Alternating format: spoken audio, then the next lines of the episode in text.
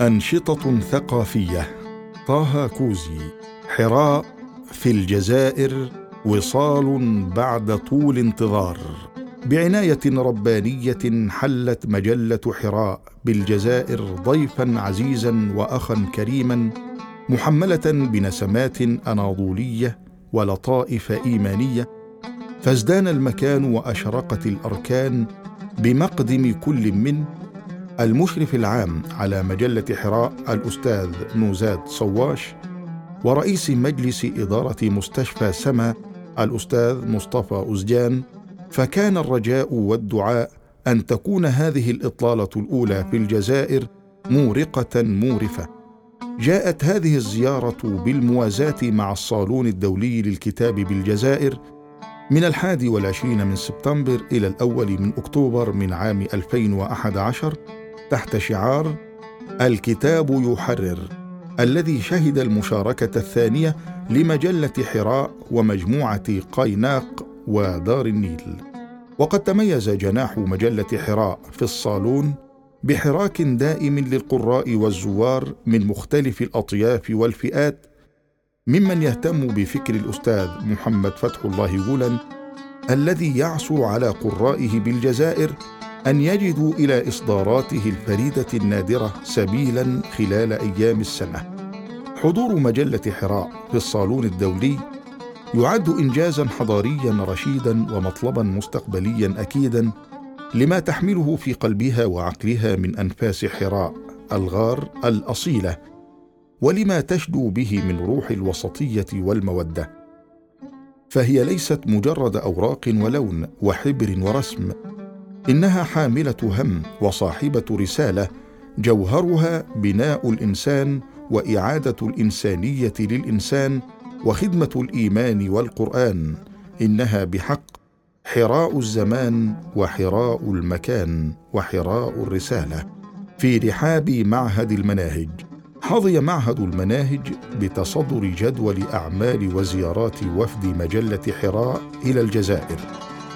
حيث حل الأستاذان مصطفى أزجان ونزاد صواش بين أحبتهم وإخوانهم صبيحة يوم السبت الرابع والعشرين من سبتمبر من عام 2011 إذ كان يوما مشهودا بحضور ثلة من العلماء والدكاترة والضيوف من الممثل الشخصي لرئيس المجلس الإسلامي الأعلى بالجزائر وممثل عن المجلس الأعلى للغة العربية وسعادة قنصل سفارة ماليزيا بالجزائر وفضيلة الأستاذ محمد الهادي الحسني عضو جمعية العلماء المسلمين الجزائريين ونائب مدير قناة القرآن الكريم بالجزائر.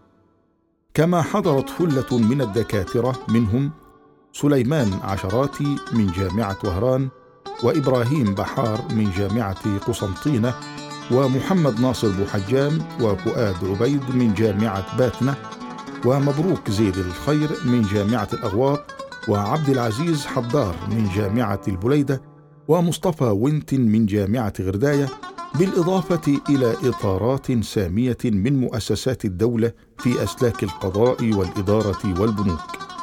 وقد لفت هذا الحدث الإعلامي بالتعاون بين مجلة حراء ومعهد المناهج اهتمام وسائل الإعلام المختلفة من التلفزيون الجزائري وتلفزيون القرآن الكريم والإذاعة الثقافية وإذاعة القرآن الكريم وعددا من الصحف الوطنية على غرار الجزائر نيوز والشروق اليومي والجزائر الجديدة إضافة إلى قناة سمنيولو التركية التي شرفت الحدث بمشاركتها الطيبة. وقد بثت شبكة فييكوس المعرفية الراعي الإعلامي لهذا الحدث وقائع وأحداث اليوم الإعلامي مباشرة على موقعها في الإنترنت www.viecos.net فشاهده القاصي والداني وعم خيره المشرق والمغرب. افتتح الدكتور محمد بابا عمي المدير العام لمعهد المناهج اليوم الإعلامي بكلمات ترحيبية معبرة عن الوصال الفكري بين حراء الغار وحراء المجلة. متحدثا عن النسيج الحضاري الذي يشد الجزائر بتركيا من خلال ذكريات عثمانية أصيلة وعميقة راجيا أن يكون هذا اليوم الإعلامي مجددا الأمل وموقدا الفعل والعمل.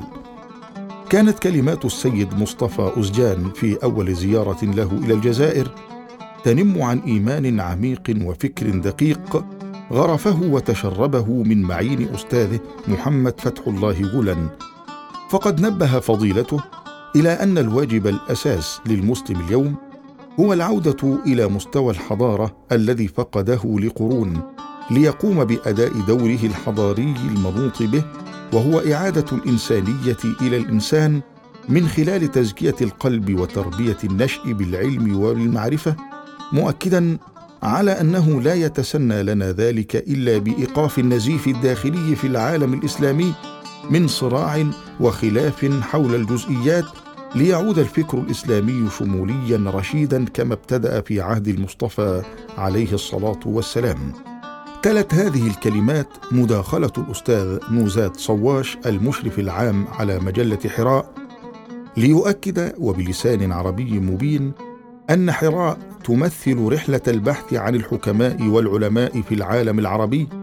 أولئك الذين يحترقون هما ويكدحون ويجدون بحثا عن مشاريع إيجابية ليصنعوا غدا مشرقا ومستقبلا مثمرا مورقا. مشيرا إلى أن الأستاذ فتح الله جولا ليس رجلا فردا بل هو مدرسة فكرية تؤم مدارس ومشاريع تربوية وتجمعات اقتصادية ومؤسسات إعلامية تشكل مجلة حراء همزة الوصل بينها وبين العالم العربي. وقد نوه الأستاذ نوزاد صواش بتفاعل أقلام جزائرية وعربية عديدة مع مجلة حراء من خلال طروحات فكرية ومقالات معرفية.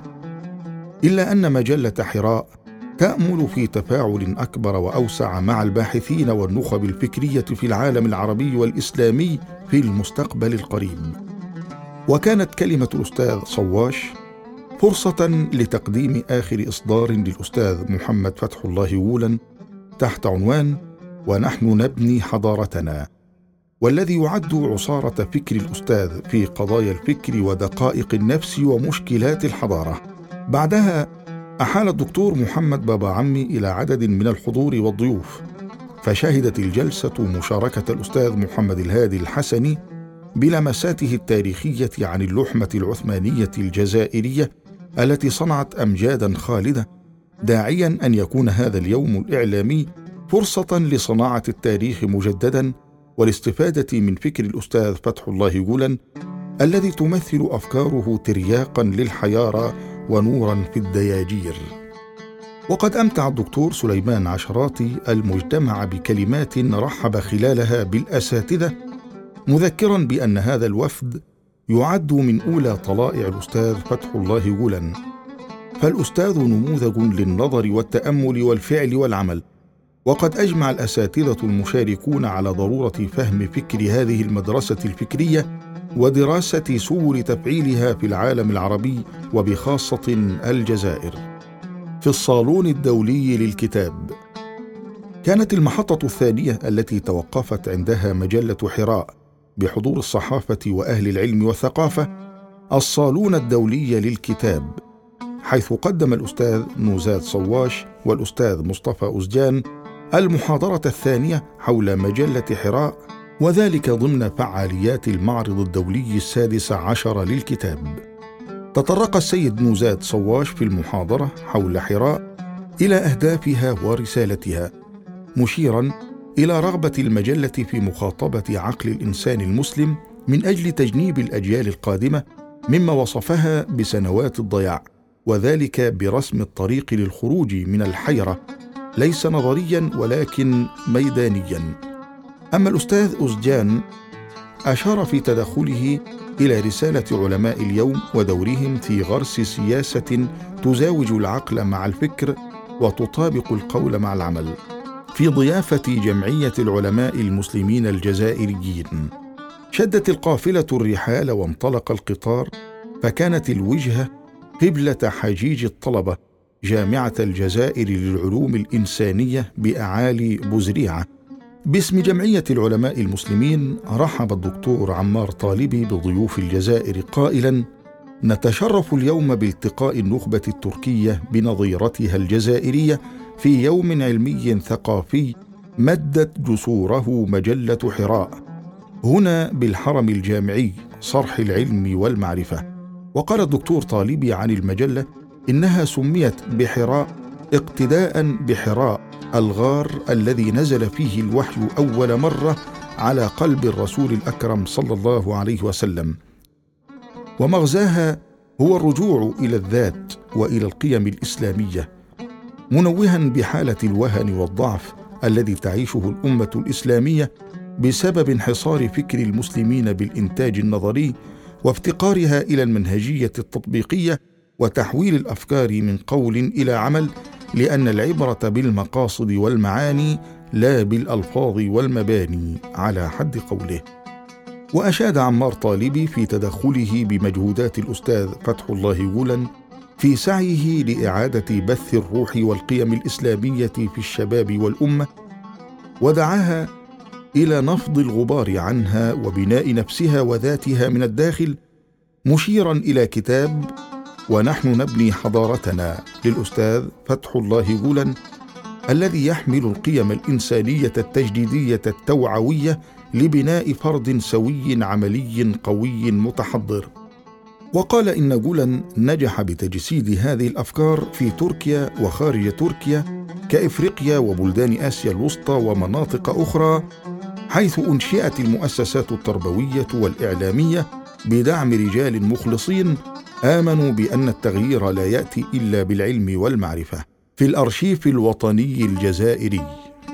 الأرشيف الوطني المحطة ما قبل الأخيرة لرحلة حراء بالجزائر. عبد الحميد شيخي مدير الأرشيف الوطني الجزائري رحب بالمشرف العام لمجلة حراء الأستاذ نوزات صواش والأستاذ مصطفى أزجان مع بعض الوجوه التاريخية الجزائرية والباحثين والأكاديميين في لقاء علمي ثقافي حول أهمية الوعي بالتاريخ ودوره في بناء المستقبل. ووصف أزجان القرون الأخيرة بقرون الضياع مؤكدا أن الأمة الإسلامية سلبت منها ذاكرتها والمتمثلة في مؤسسات الأرشيف. مشيرا إلى أن تركيا عانت كثيرا من هذا الجانب. وقال إن الحفاظ على ذاكرة الأمة يتوقف على تلقينها للأجيال وفتح مؤسسات الأرشيف أمامها. وفي كلمته قال مدير الأرشيف عبد الحميد شيخي لقد عاشت الجزائر وتركيا نفس المعاناة فالمستعمر الفرنسي لم يترك وسيلة إلا وانتهجها لطمس هوية هذه الأمة وإتلاف كل الأرشيف الجزائري أو إخفائه منوها بالتعاون الجزائري التركي بخصوص الأرشيف المتعلق بالحقبة العثمانية بتركيا في جامعة الجزائر للعلوم الإسلامية. اختتمت حراء جولتها بجامعة الجزائر للعلوم الإسلامية بعقد جلسة فكرية تناولت عدة اقتراحات حول التعاون العلمي المشترك من طرف جمع من الدكاترة والأساتذة في العلوم الإسلامية أمثال الدكتور عمار مساعدي عميد الكلية للعلوم الإسلامية رئيس الجلسة وكان الدكتور عمار جيدل والدكتور محمد بلغيث برفقة المشرفين على مجلة حراء الأستاذ نوزات صواش والأستاذ مصطفى أزجان. كانت الجلسة عبارة عن ورشة عمل قدمت فيها عدة قراءات لكتاب الأستاذ فتح الله جولا ونحن نبني حضارتنا. على غرار مداخلة الدكتور عمار جيدل أحد أقلام مجلة حراء. كما قدم أيضا الدكتور محمد بلغيث قراءة حضارية للكتاب ونحن نبني حضارتنا.